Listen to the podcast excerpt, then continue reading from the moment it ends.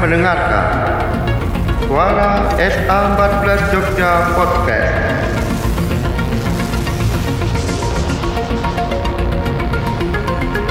Yang disuarakan dari lantai 3 sayap selatan PDM Kota Yogyakarta.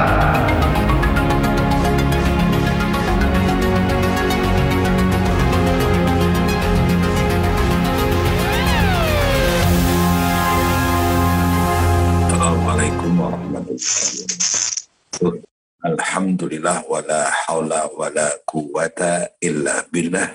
Asyhadu an la ilaha illallah wahdahu la syarikalah wa asyhadu anna Muhammadan abduhu wa rasuluhu la ba'da. Allahumma salli wa sallim ala Muhammad wa ala alihi wa sahbihi wa mawala. Ibu-ibu apa yang saya hormati, terlebih lagi pada Bapak Ketua kita dan seluruh pengurus PDM, pengurus PCM, atau pengurus cabang dan ranting yang ini dari kota gede kelihatan ini. Ya. Dan seluruh keluarga besar Muhammadiyah, para guru, para pimpinan awam yang hadir di pagi hari ini, yang paling awal Mari kita bersyukur kepada Allah. Pagi ini kita dibangunkan oleh Allah dari kematian kita. Jadi orang Islam atau kita sebagai Muslim itu setiap bangun tidur dan kemudian berdoa. Alhamdulillahilladzi ahyana ba'da amatana wa ilaihin nusur. Jadi baru bangun tidur aja Allah sudah menanamkan, mengenalkan Rasulullah mengenalkan pada kita agar apa? Pertama kali yang dilakukan seorang muslim bangun dari tidurnya itu bersyukur maka ungkapannya alhamdulillah karena kita sudah diberi kesempatan hidup lagi setelah kita mati tadi malam itu. Maka karena ungkapan pertamanya adalah Alhamdulillahilladzi ahyana ba'da ma amatana wa sur, maka apa? Uh, ekspresinya itu ekspresi positif, ekspresi bersyukur. Jadi baru bangun tidur sudah menyadari dirinya ini adalah memang apa namanya yang menentukan itu Allah dan kita dihidupkan kembali maka ekspresinya positif. Alhamdulillah. Nah, ekspresi positif ini penting agar kemudian nanti membimbing kita dalam hari ini mengisi perjalanan hidup kita sampai kita nanti tidur malam itu dengan penuh rasa syukur kepada Allah Subhanahu wa taala. Maka ekspresinya positif, ekspresinya tersenyum. Nah, eh, yang kedua kita bersyukur pasti diparingi oleh Allah, dikasih oleh Allah sehat walafiat. Jadi banyak di antara saudara kita di masa pandemi COVID yang wafat. Saya tidak tahu PDM Kota total sudah berapa warga Muhammadiyah yang wafat. Pengurusnya berapa. Maka LPCR lagi mendatang seluruh Indonesia. Ini sekaligus forum ini saya mohon berkenan Bapak Ibu untuk mengisi Google Form yang sudah kami sebar ke seluruh cabang ranting se-Indonesia, PDM Indonesia agar itu diisi. Yang pertama mengisi tentang kegiatan dalam menghadapi pandemi COVID, kegiatannya apa saja, sampai kemudian dananya yang terkumpul dan disalurkan berapa. Google Form yang kedua adalah eh, siapa saja pengurus aktivis warga Muhammadiyah yang wafat dan dampaknya apa, ekonomi, pendidikan apa-apa. Itu semua diisi eh, sebagai upaya kita untuk menjadikan Muhammadiyah ini adalah juga solusi bagi warganya sendiri. Karena kemarin di DIY saja yang sudah terdaftar Majelis MPS Jogja itu ada uh, sekitar 700 anak yatim piatu baru karena pandemi COVID. Data ini kemudian uh, tiba-tiba sampai ke Menteri Sosial dan geger karena by name, by address dan sebagainya. Ya kemarin geger itu, itu dari uh, Muhammadiyah itu data anak yatim piatu baru yang dengan segala nama alamat itu dari Muhammadiyah Jogja dan itu pendataan nasional juga.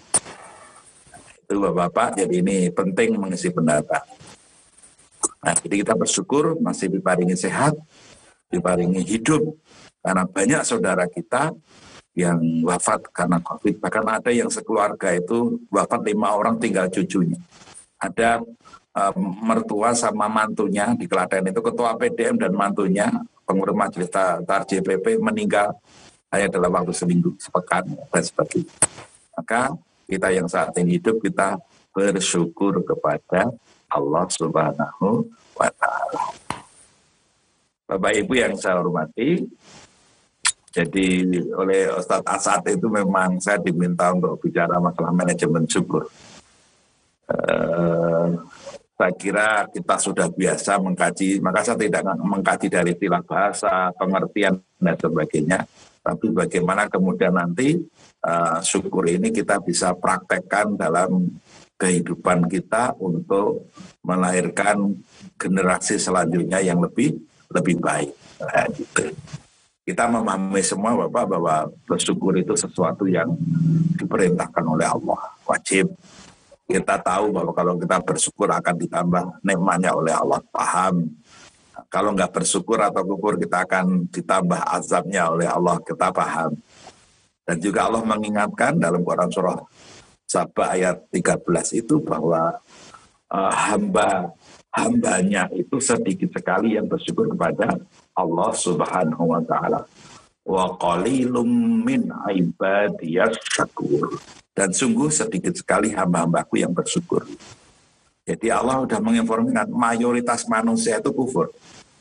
Mayoritas manusia itu tidak bersyukur kepada Allah uh, Subhanahu wa taala. Dan sedikit sekali orang yang sudah dikasih nikmat Allah itu bersyukur kepada Allah. Itu peringatan bagi kita semua karena itu bisa menimpa siapa saja.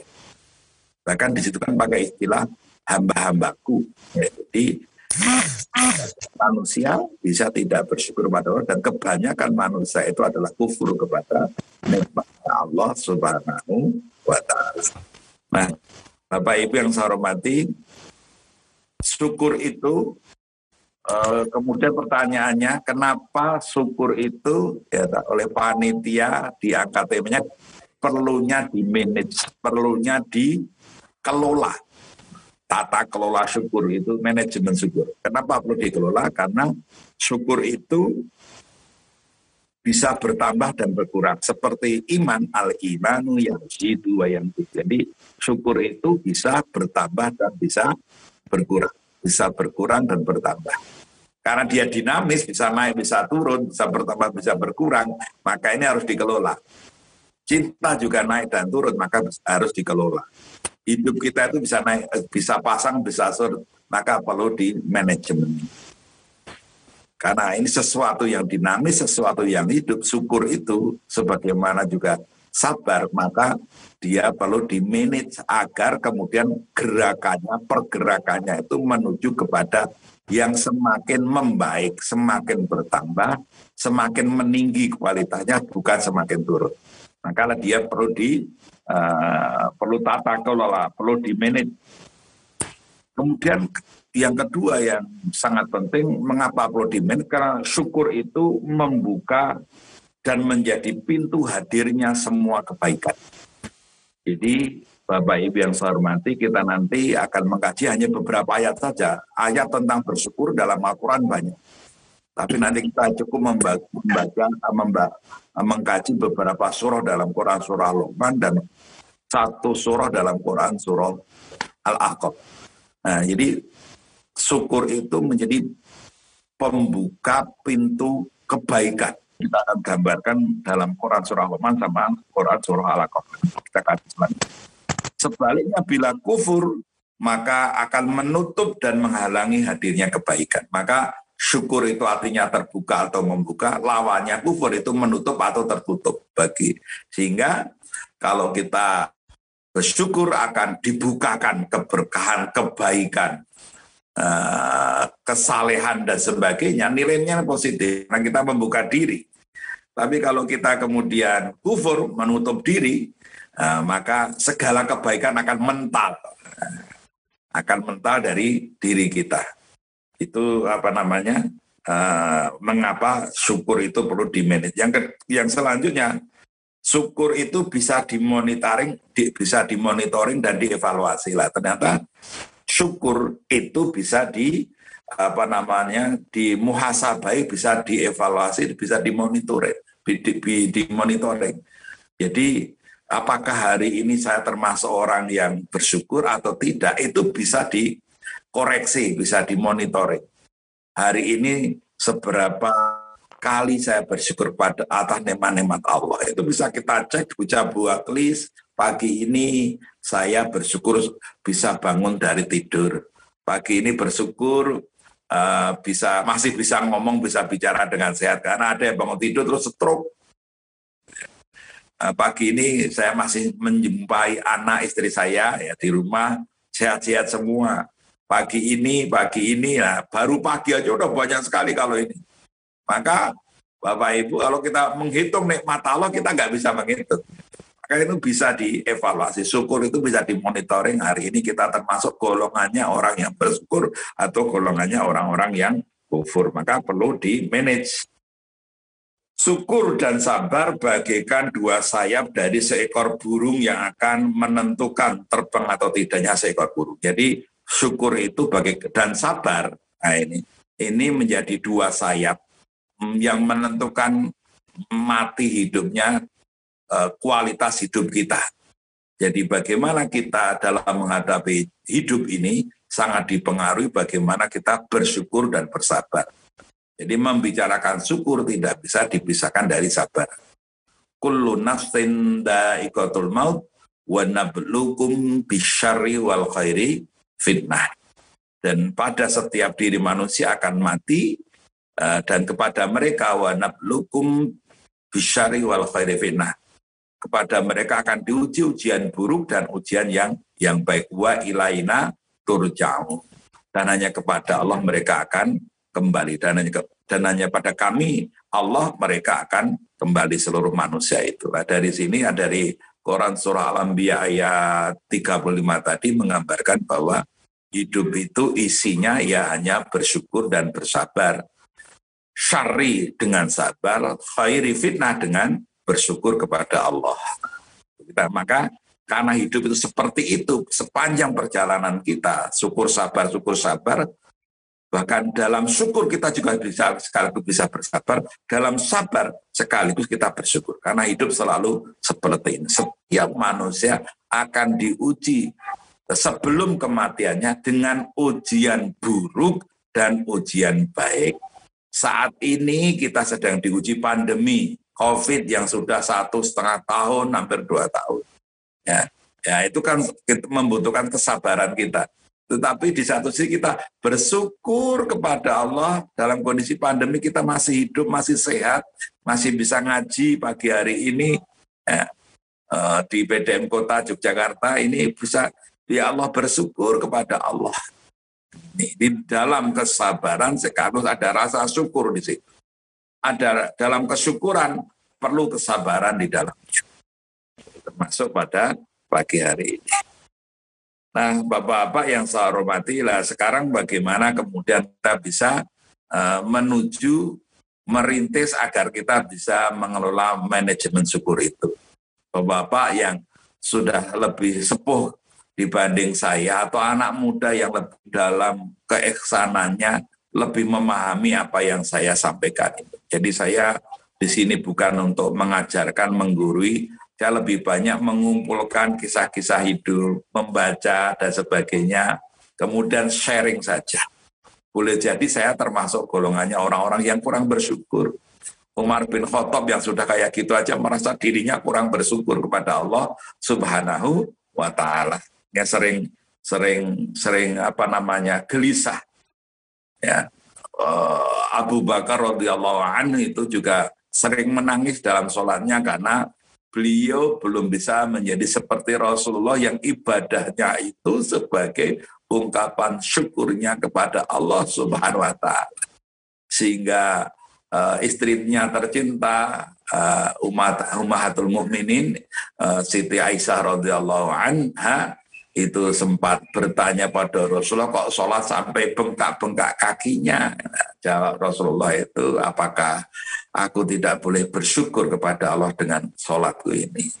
Jadi Bapak Ibu yang saya hormati, eh, apa namanya, kita mencoba bagaimana agar kemudian kita bisa menjadi bagian dari orang-orang yang bersyukur dan termasuk ibadah kita sebagai ungkapan rasa syukur kepada Allah. Karena ini sifatnya kiat-kiat, ya halnya yang sederhana saja. Saya bisanya ngaji yang enteng-enteng, nggak bisa ngaji yang berat-berat, Bapak. Nah untuk bisa kemudian menuju mengelola rasa syukur itu, itu dimulai dari rasa Misalnya, membiasakan membaca doa setiap akan tidur dan bangun tidur. Bayangkan Bapak, hidup kita itu 5 sampai 8 jam untuk tidur. Nah kalau tidurnya saja tidak bernilai ibadah, tidur hanya ngeletak, uh, bangun ke kamar mandi, pipis, tidur lagi, bangun, nah itu. Itu kemudian sepertiga hidup kita itu tidak bernilai ibadah. Nggak bersyukur. Mengkat tidur itu bagian salah satu bagian besar dalam hidup kita sepertiga hidup kita maka apa harus bernilai ibadah dan sekaligus sebagai ungkapan syukur kita kepada Allah. Maka sebelum tidur kita harus ingat Allah. Bismika Allahumma ahyawa. Atau Bismika Allahumma amutu ahya. Jadi apa namanya? Kita sebelum tidur ingat Allah. Itu tanda syukur. Memasrahkan kita pada Allah. Kemudian bangun tidur, bersyukur lagi. Nah, kalau ini dibiasakan, maka kita akan semakin mempunyai uh, kebiasaan positif untuk mampu memanage hidup kita. Di tidur ini menjadi sangat penting. Saya pernah punya kisah yang saya tulis dalam salah satu buku saya yang pernah saya tulis tentang uh, holistic care atau psikospiritual uh, healthcare itu di situ ada kisah nyata bagaimana orang yang tadinya punya banyak penyakit difonis akan mati tinggal kemudian uh, dia melawan apa fonis dokter fonis lab itu dengan uh, meneliti karena dia seorang dokter fisika sekaligus seorang pengusaha kaya raya di Amerika nah, kemudian melawan uh, saya nggak mau mati. Dia studi di lab untuk bisa menemukan obat dan solusi dari penyakitnya. Namun baru beberapa hari kerja di lab, dia sudah geledak ngatang-ngatang. Nah itu ngatang-ngatang itu bahasa Jawa nggak ada bahasa Indonesia nya. Jadi apa namanya ngatang-ngatang itu ter, ter, tergeletak kayak batang, tapi masih hidup itu. itu. Jadi ngatang-ngatang itu. Jadi keinginannya untuk sembuh ada, tapi fisiknya sudah tidak mampu. Lah oleh keluarganya, kemudian diantar ke sebuah uh, rumah sakit khusus untuk terminal care. Jadi di Amerika itu ada rumah atau apartemen atau rumah sakit yang memang khusus dikhidmatkan untuk mereka-mereka yang sudah difonis dokter nggak ada harapan hidup lagi. Nah, gitu. nah kemudian Eh, bapak dokter fisika ini itu kemudian dibawa ke rumah terminal care itu kemudian di situlah kemudian dia kemudian menyadari bahwa dirinya sebagai manusia itu ternyata manusia tidak berdaya kemudian ingat Tuhan lagi tadinya nggak ingat Tuhan itu kemudian ingat Tuhan lagi kemudian setiap mau tidur dia pasrahkan hidupnya pada Tuhannya Kemudian ketika bangun dia syukuri memuji Tuhannya. Dan itu dilakukan setiap hari. Nah, pad, sampai pada vonis yang seharusnya mati, dia malah tidak mati. Dia merasa kok aku lebih sehat. Semakin semangat lagi setiap mau tidur berdoa, setiap bangun tidur juga berterima kasih pada Tuhan. Nah, itu terjadi lagi, terjadi lagi, terus semakin sehat. Malah bisa duduk. Pada memasuki bulan keempat, dia merasa lebih sehat setelah dicek ke dokter ya ternyata Pak dia kemudian dinyatakan saja dan seluruh penyakit komplikasinya yang apa namanya dia idap ada jantung ada apa nama hati dan sebagainya itu kemudian dinyatakan sembuh oleh rumah sakit. Nah, dokter ini namanya Alistair Levinson yang kemudian kisah hidupnya, eh dia setelah sembuh dia pindah ke sebuah kampung kota kecil namanya Seduna yang kemudian dari situ dia menuliskan bukunya. Oh, yang nulis itu akhirnya muridnya yang diberi diberi judul The Seduna Method, metode Seduna. Nah, kisah hidupnya.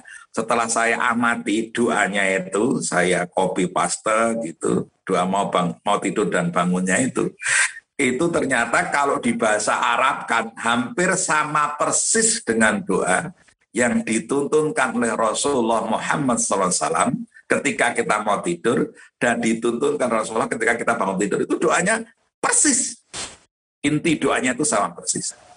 Nah, dia padahal non muslim. Nah, non muslim aja dikasih keajaiban oleh Allah, apalagi kita lagi. Ternyata doa bangun tidur dan doa mau tidur itu kalau dihayati menjadi terapi terhadap penyakit-penyakit kita.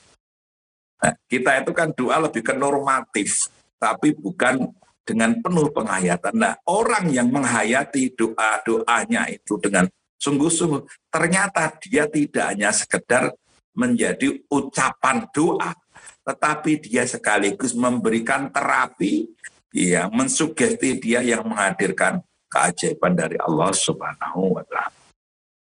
Saya kalau ingat kisah nyata ini the sedona metode terus kemudian ingat kita itu kalau mau tidur ya berdoa kan Rasulullah di samping mengajarkan doa ringkasnya itu kan kita disunahkan untuk membaca Al-Fatihah tiga kali Al-Ikhlas tiga kali, Al-Falak tiga kali, Anas tiga kali, kemudian di surah apa namanya ayat kursi, setelah itu kemudian mengusap tubuh kita, membersihkan nyeblak ya, nyeblak pakai sarung atau pakai sajadah atau pakai sebelah tempat tidur kita. Sampai ritualnya seperti itu.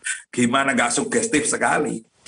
Al-Fatihah, Al-Ikhlas, Al-Falak ini. Nah kita jangan itu dijalani sekedar normatif tetapi sebaiknya itu dilakukan dengan penuh karena ternyata punya daya ya punya daya untuk menyelesaikan banyak persoalan hidup termasuk penyakit-penyakit kalau kita mau mensyukuri doa itu sebagai ungkapan syukur dan ungkapan tauhid kita kepada Allah Subhanahu wa taala. Itu Bapak Ibu. Ini baru satu poin tentang berdoa sebelum apa namanya uh, tidur dan bangun tidur. Ada penelitiannya ada kisah nyatanya sampai jadi sebuah buku. Dan itu waktu itu jadi salah satu buku bacaan wajib mahasiswa kesehatan di seluruh Amerika. Hampir seluruh negara bagian di Amerika. Hanya masalah doa bangun tidur dan uh, mau tidur. Kemudian yang kedua membiasakan membaca alhamdulillah alhamdulillah setiap selesai makan, minum, dan setiap kita apa namanya mampu menyelesaikan kerjaan-kerjaan kita atau tugas-tugas kita. Kita ungkapkan syukur kepada Allah agar tidak membuat kita lupa diri. Bisa minum, bisa makan, anda alhamdulillah. Karena kalau kita makan, wah, apa namanya, sate atau tongseng sortalo, oh, Tortalo itu Bantul atau wah enak atau kota gede apa mie godoknya atau apa itu. Nah, kadang-kadang buah karena itu kurang kita syukuri. Jadi apa namanya ini yang kecil-kecil itu. Maka selalu kan ada doanya itu. Allah barik lana fima razaqtana wa qina ada doanya semua ada doa-doa sehingga di ketika saja di direksi di Rumah Sakit Islam Jakarta, saya kenalkan sebuah pendekatan psikospiritual agar semua aktivitas rumah sakit itu tidak hanya dilihat dan dilakukan sebagai aktivitas medis, pendekatan medis. Tetapi seluruh aktivitas rumah sakit itu, baik oleh dokternya, tukang sapunya, eh, apa namanya perawatnya, binrohnya, itu ada unsur medis, ada unsur spiritual, ada unsur psikologis, ada unsur sosial. Wajib itu pendekatannya. Itu sampai jadi sebuah buku. Dan kemudian dijadikan panduan dakwah rumah sakit Muhammadiyah se-Indonesia. Bisa dulu punya ide mengadakan kajian tentang psikosoial rumah sakit. Karena saya melihat, apa bedanya rumah sakit Muhammadiyah itu dengan yang rumah sakit bukan Muhammadiyah. Ternyata podoai hampir nggak ada bedanya gitu Pak. Ya, dokternya gitu-gitu saja. Rumah saya sedih. Seolah-olah yang pendekatan spiritual rohania itu hanya binro tidak. Seluruh dokter, seluruh perawat, bahkan sampai keliling service, tukang parkir, itu menjadi wasilah, menjadi jalan perantara bagi sembuhnya. Yang nyembuhkan bukan dokter, bukan obat gitu. Tapi seorang tukang parkir yang tersenyum menyambut pasien yang datang ketika di tempat parkiran minta mendapat karcis itu tersenyum dan baik dan doakan Bapak semoga ibu cepat sembuh. Itu bagian dari Allah yang punya siapa tahu yang menyembuhkan mah doanya. Tukang parkir yang dikabulkan Allah karena hidupnya uh, penuh keprihatinan.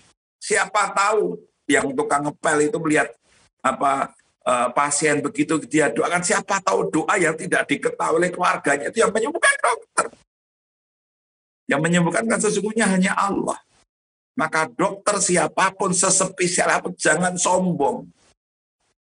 Karena sesungguhnya yang menyembuhkan Allah, sesungguhnya uh, yang hebat itu pasien. Karena pasien itulah sesungguhnya para hamba utusan Allah dalam tanda kutip yang dikirimkan ke rumah sakit kita sehingga dokter bidan semuanya bisa mempraktekkan ilmunya kemudian dapat rezeki kemudian diangkat derajatnya dihormati sebagai dokter kemudian bisa bisa menghidupi keluarganya dan sebagainya.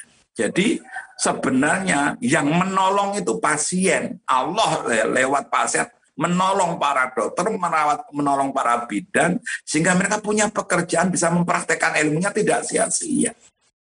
Maka kemudian yang paling hebat ya hanya Allah sebenarnya. Kalau dalam konteks pelayanan, yang paling hebat itu, ya, yang paling penting bukan paling hebat, di rumah sakit ya pasien itu. Maka sekarang pendekatannya adalah terpusat kepada pasien.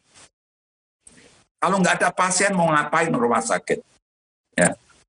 Kalau nggak ada pasien mau ngapain spesialis, spesialis apa pun mau ngapain.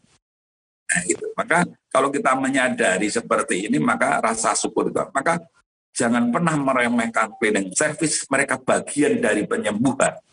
Jangan meremehkan bagian gizi karena dia bagian dari kesembuhan. Semakin spesialis seorang dokter, saya semakin tawadu. Saya sedih ada sebuah rumah sakit yang dokternya tetap saya ajak pakai seragam seperti pegawai yang lain aja malah marah sama saya.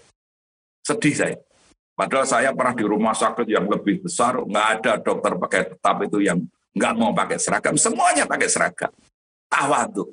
Semakin spesialis, seharusnya semakin merunduk kepada Allah Subhanahu wa taala. Semakin tinggi ilmu, merasa semakin lemah karena ilmu sesungguhnya asalnya dari Allah Subhanahu wa taala. Nah ini apa namanya eh, sesuatu yang bisa kita biasakan ya. Jadi membiasakan Alhamdulillah dokter setelah selesai Alhamdulillah mendekati pasien dengan spiritual.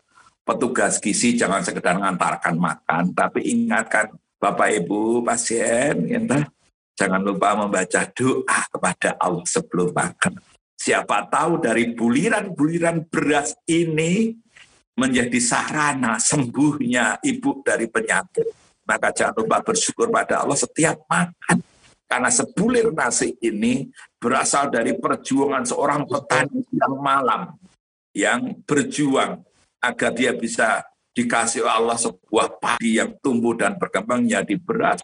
Dan kemudian sampai di mulut juang banyak orang. Nah, itu pendekatan psikospiritual dalam rumah sakit. Membiasakan menghayati nikmat-nikmat yang dipandang. Jadi eh, membiasakan kita untuk apa namanya menghayati nikmat-nikmat yang sepele-sepele lah gitu ya, sepele-sepele. Ya, yang kelihatannya kecil-kecil biasa saja itu kan kemudian kita baru kaget setelah bagaimana nikmat menghirup menghirup udara ini oksigen kan baru kita kaget ternyata ketika COVID kemarin memuncak dahsyat sekali. Puluhan, ratusan orang antri di depan UGD, datang ada dokternya, nggak ada oksigennya. Ada oksigennya, dokternya tidak ada. Bayangkan itu betul-betul apa yang tanya sepele itu ternyata dasar sekali ya. Yang dasar-dasar itulah yang kita anggap sepele sementara ini nggak ada nilainya. Nah, maaf ketika kita kentut itu ya kelihatannya hanya kentut. Ternyata kalau nggak bisa kentut itu akan mendatangkan penyakit yang sangat dasar. Ya, dan sebagainya, sebagainya. Itu. Kemudian menerima setiap musibah sebagai wujud kasih sayang Allah ini berat Bapak Ibu. Ya, bagaimana uh, tadi Allah itu kalau menguji kita ada ujian baik, ada ujian, ada ujian Jadi kita kadang-kadang kuat menghadapi ujian yang menyedihkan, tapi malah gagal menghadapi ujian yang tidak, eh, malah gagal menghadapi ujian yang yang baik. Ketika belum punya jabatan, wah luar biasa. Ketika sudah punya jabatan, lupa. Biasanya orang-orang politik itu kalau kampanyenya luar biasa, janjinya banyak sekali, siap jungkir balik. Nah, silakan hubungi telepon saya dan setelah jadi teleponnya ganti dan sebagainya. Nah, gitu. Kemudian merenungkan kondisi orang-orang yang lebih bawah, lebih menderita dibanding kita. Merenungkan kondisi uh, membahagiakan uh, diri dengan amal, kemudian membiasakan tersenyum sebagai apa namanya ekspresi dari rasa syukur. Jadi salah satu ekspresi rasa syukur itu yang paling sederhana dan mudah dilakukan adalah tersenyum. Jadi kalau orang besengut itu hampir pasti tidak bersyukur. Ya, orang-orang yang bersyukur itu membiasakan dirinya dengan tersenyum itu sebagai ekspresi positif. Jadi bangun tidur itu muncul tersenyum. Alhamdulillah ayana batama dan sebagainya. Silakan Bapak ini apa namanya intinya nanti silakan dibaca. Nah kita masuk pada bagian akhir dari sharing kita pada pagi hari yang diminta oleh Pak Asad. Jadi eh, nanti mohon baca Quran surah Luqman ayat 12 sampai 19, kemudian baca Quran surah Al-Ahqaf ayat 15 dan 16. Nah, kita akan belajar dari situ. Silakan nanti dibaca. Bapak-bapak, ibu-ibu yang saya hormati, intinya Bapak Ibu yang saya hormati, Quran surah Al-Luqman dan Quran surah Al-Ahqaf itu tema besarnya adalah bersyukur bagaimana Allah Subhanahu wa taala itu memerintahkan kepada Luqman itu untuk anis kurlillah bersyukur kepada Allah dulu sebelum mengajarkan nilai-nilai penting dalam kehidupan tentang tauhid, tentang berbakti pada orang tua, tentang sholat, tentang amar ma'ruf nahi munkar, tentang sikap tawadu dan rendah hati ada lima nilai pokok atau tujuh nilai pokok itu bisa juga nilai sembilan nilai pokok itu sebelum mengajarkan nilai-nilai penting bahkan tauhid sekalipun itu nah, amal ma'ruf nahi munkar sholat dan sebagainya kan nilai-nilai prinsip sekali itu dalam hidup. Itu maka apa? Pengajarnya dirinya. Itu dulu diperintahkan kepada Allah untuk memberesi dirinya dulu. Untuk bersyukur kepada Allah Subhanahu wa taala. Kalau apa namanya seorang pendidik, orang tua, guru, ustadz, dosen, ya, di dalam dirinya persoalan syukur ini belum diberesi, maka ya dia sekedar pengajar saja.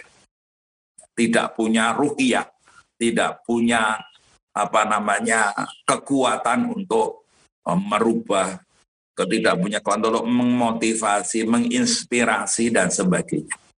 Jadi ternyata Allah mengingatkan Luqman sekali memerintahkan agar dia bersyukur dulu kepada Allah Subhanahu wa taala. Baru setelah ini dimanajemen dengan baik, bersyukur pada Allah punya istri ya, dengan segala kelebihan dan kurangannya. Ibu-ibu bersyukur pada Allah punya suami dengan segala kurang kelebihannya. Diberi kehidupan jadi guru jadi dokter dan nikmat yang lain jadi orang tua jadi ayah jadi anak jadi apa saja. Ini apa kita syukuri. Maka yang muncul adalah nilai-nilai positif yang memancar dalam dirinya. Baru ngajari kalau sudah itu akan dibukakan oleh Allah uh, kemampuan uh, dia untuk mendidik anak keturunannya menjadi generasi yang robbani. Inti dari Quran surah Luqman sebelum latus ribilah sebelum mengajarkan uh, berbakti pada orang tua kepada sholat amar ma'ruf itu nilai syukur itu harus kita hayati. Kemudian di dalam Quran surah Luqman, eh maaf, Quran surah Al-Qaf ayat 15 itu A'udzubillahi minasyaitonirrajim. Bismillahirrahmanirrahim. Wa wassaynal insana biwalidayhi ihsana. Hamalatu ummuhu kurha wa wada'athu kurha.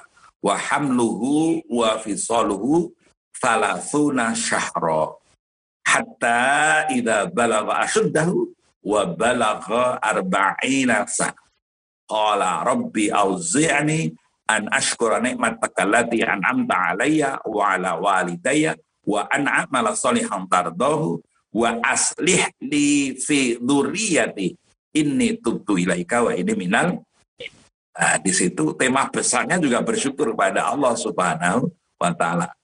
Robbi auzini nah, perintah apa? Memohon pada Allah agar diberi kekuatan, hidayah, hikmah untuk mampu bersyukur kepada Allah, ya, mensyukuri nikmat Allah yang telah diberikan kepada diri kita dan diberikan kepada kedua orang tua kita. Eh, ada unsur syukurnya pada Allah, dia bersyukur itu, Alhamdulillah, ada syukur kepada orang tua kita, kepada manusia, namanya terima kasih. Jadi, apa namanya, sehebat-hebatnya kita jadi apa, jangan lupa Allah, dan jangan pernah lupa kepada orang tua kita. Karena kita jadi seperti ini, karena apa? Allah telah memberikan nikmat kepada orang tua kita, sehingga orang tua kita bisa mendidik kita seperti sekarang ini kita yang jadi direktur, jadi dokter, jadi ustadz, jadi guru, jadi jenderal, jadi apa pun, ya boleh jadi uh, sumbangan kita untuk jadi itu mungkin hanya berapa persen. Selebihnya doa-doa orang tua kita, tahajudnya orang tua kita, keprihatinannya orang tua kita, hutangnya orang tua ya pinjam di apa namanya BMT atau di apa namanya perbankan syariah untuk nyekolahkan kita dan sebagainya. Nah, kita tinggal nunut saja. Jadi jangan pernah merasa hebat karena kita bisa jadi ini itu. Uh, uh, padahal itu adalah peran Allah. Maka sebelum Allah memerintahkan kita untuk berdoa, bersyukur, ayatnya tadi dimulai dengan bahwa soinal insana biwalidaihi ihsana. Perintah agar kita berbuat ihsan kepada kedua orang tua kita terlebih kepada ibu ibu kita. Ya, ibu kita maksudnya. Ini apa namanya? Nilai-nilai penting yang harus kita apa perhatikan karena ternyata uh, kalau kita bersyukur itu akan mendorong kita menjadikan kita semangat untuk ber, amal soleh. Ya tadi kan Robi Auzini anashkura mata kalati amta alayya wa ala walidaya wa anna amalan solehan Jadi kalau kita bersyukur pada Allah, setelah itu kita akan dimampukan oleh Allah diberi kemampuan untuk senang dan bersemangat beramal soleh, entah berdakwah, entah ngajar. Kalau kita bersyukur itu, ya kita akan semangat. Maka syukur itu menghadirkan rasa bahagia rasa bahagia akan menghadirkan ghiro, gairah. Jadi apa namanya Bapak Ibu kita akan bersemangat. Oh, oh manalah Bapak yang kalau Pak Akhid masih kebantu lemah Pak Akhid ini. Eh, saya kecepu setiap eh, pekan, ya, tiga hari saya dicepu nyopir sendiri Pak. Karena COVID-COVID ini kita berusaha menghindari berinteraksi bersentuhan dengan orang lain. Maka yang biasanya kulon itu naik kereta api selama COVID ya nyopir sendiri.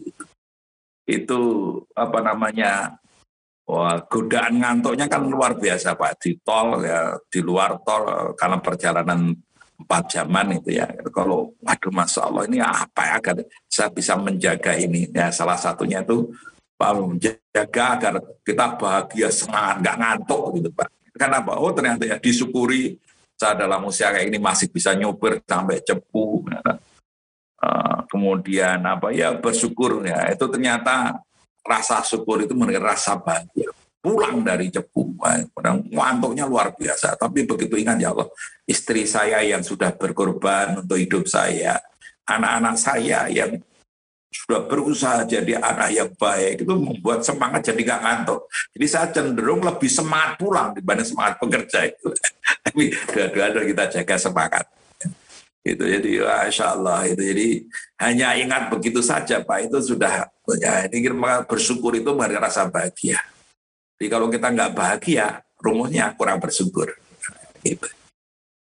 Itu itu akan semangat untuk beramal soleh. Setelah itu apa? Kalau kita bersyukur, semangat beramal soleh yang diri itu Allah juga sekaligus menjadikan kita bersemangat untuk menempa diri kita menjadi orang yang baik, sekaligus menyiapkan anak keturunan kita. Lah ini kaitannya dengan generasi Rabbani itu, Pak Ustadz Asad dan teman-teman di situ di doa penggalan yang ketiga itu wa aslih di fi durriyati.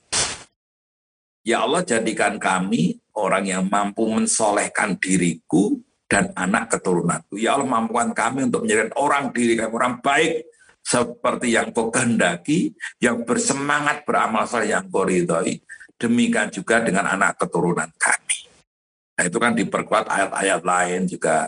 Wa Rabbi ja'alni muqimas sholah wa min Rabbana wa taqabbal Tuhan. Doanya Nabi Ibrahim, Quran surah Ibrahim ayat berapa itu? 40. Nah, itu Robbi habli minas solihina. Doa-doa seperti itu. Jadi dalam Al-Quran itu semangat menjadi orang baik itu bukan untuk bapak ibunya. Tetapi juga kita itu dengan anak keturunan kita.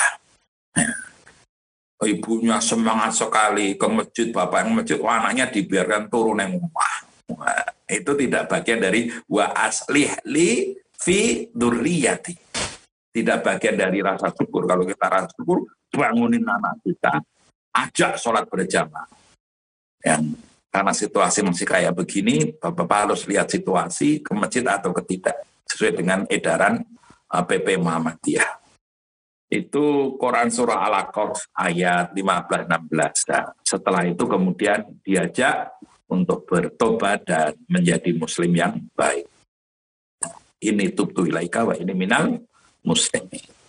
Itu, itu dimulai dari bersyukur dulu, baru nanti kebaikan-kebaikan yang lain akan dimudahkan oleh Allah Subhanahu wa taala. Nah, penutupnya Bapak-bapak, Ibu-ibu yang saya hormati, uh, tadi saya sudah berkisah tentang apa terapi ya, tentang rasa syukur yang kemudian melahirkan kesembuhan. Nah ini kalau tadi orientasinya rumah sakit karena saya lebih banyak hidupnya di rumah sakit, uh, punya banyak-banyak kisah yang sudah saya bukukan di dalam buku uh, Holistic Healthcare itu yang diterbitkan oleh MPKUPP itu, MPKUPP Matian, dan sekarang juga diterbitkan oleh Suara Media itu, di situ saya ceritakan beberapa kasus kisah nyata bahwa rasa syukur, rasa tawakal itu menyembuhkan. Ya. Nah kalau ini yang ini saya ceritakan adalah uh, bagian dari di rasa syukur, manajemen syukur dikaitkan dengan uh, apa pendidikan di sekolah Uh, saya pernah diundang di sebuah sekolah, saya bukan apa-apa, ya tapi diajak ngobrol karena saya bukan orang ahli, maka sifatnya sharing FGD di situ, fokus group discussion itu. Uh, ada sebuah sekolah yang itu sekolahan Islam, kemudian diajarkan berbagai mata pelajaran Islam dari pelajaran normatif Islam itu sampai sholat, sampai menghafal Al-Quran, menghafal hadis, dan sebagainya. Tetapi kepala sekolahnya, para gurunya ini kaget. Berbagai ajaran normatif Islam yang sudah diajarkan itu tidak kemudian maksimal hasilnya. Banyak anak-anak di sekolah itu yang istilahnya itu rodok, kurang ajar gitu Pak. Wes diajari sholat, diajari Al-Quran, kok masih rodok petakilan itu ini apa yang salah di sekolah ini?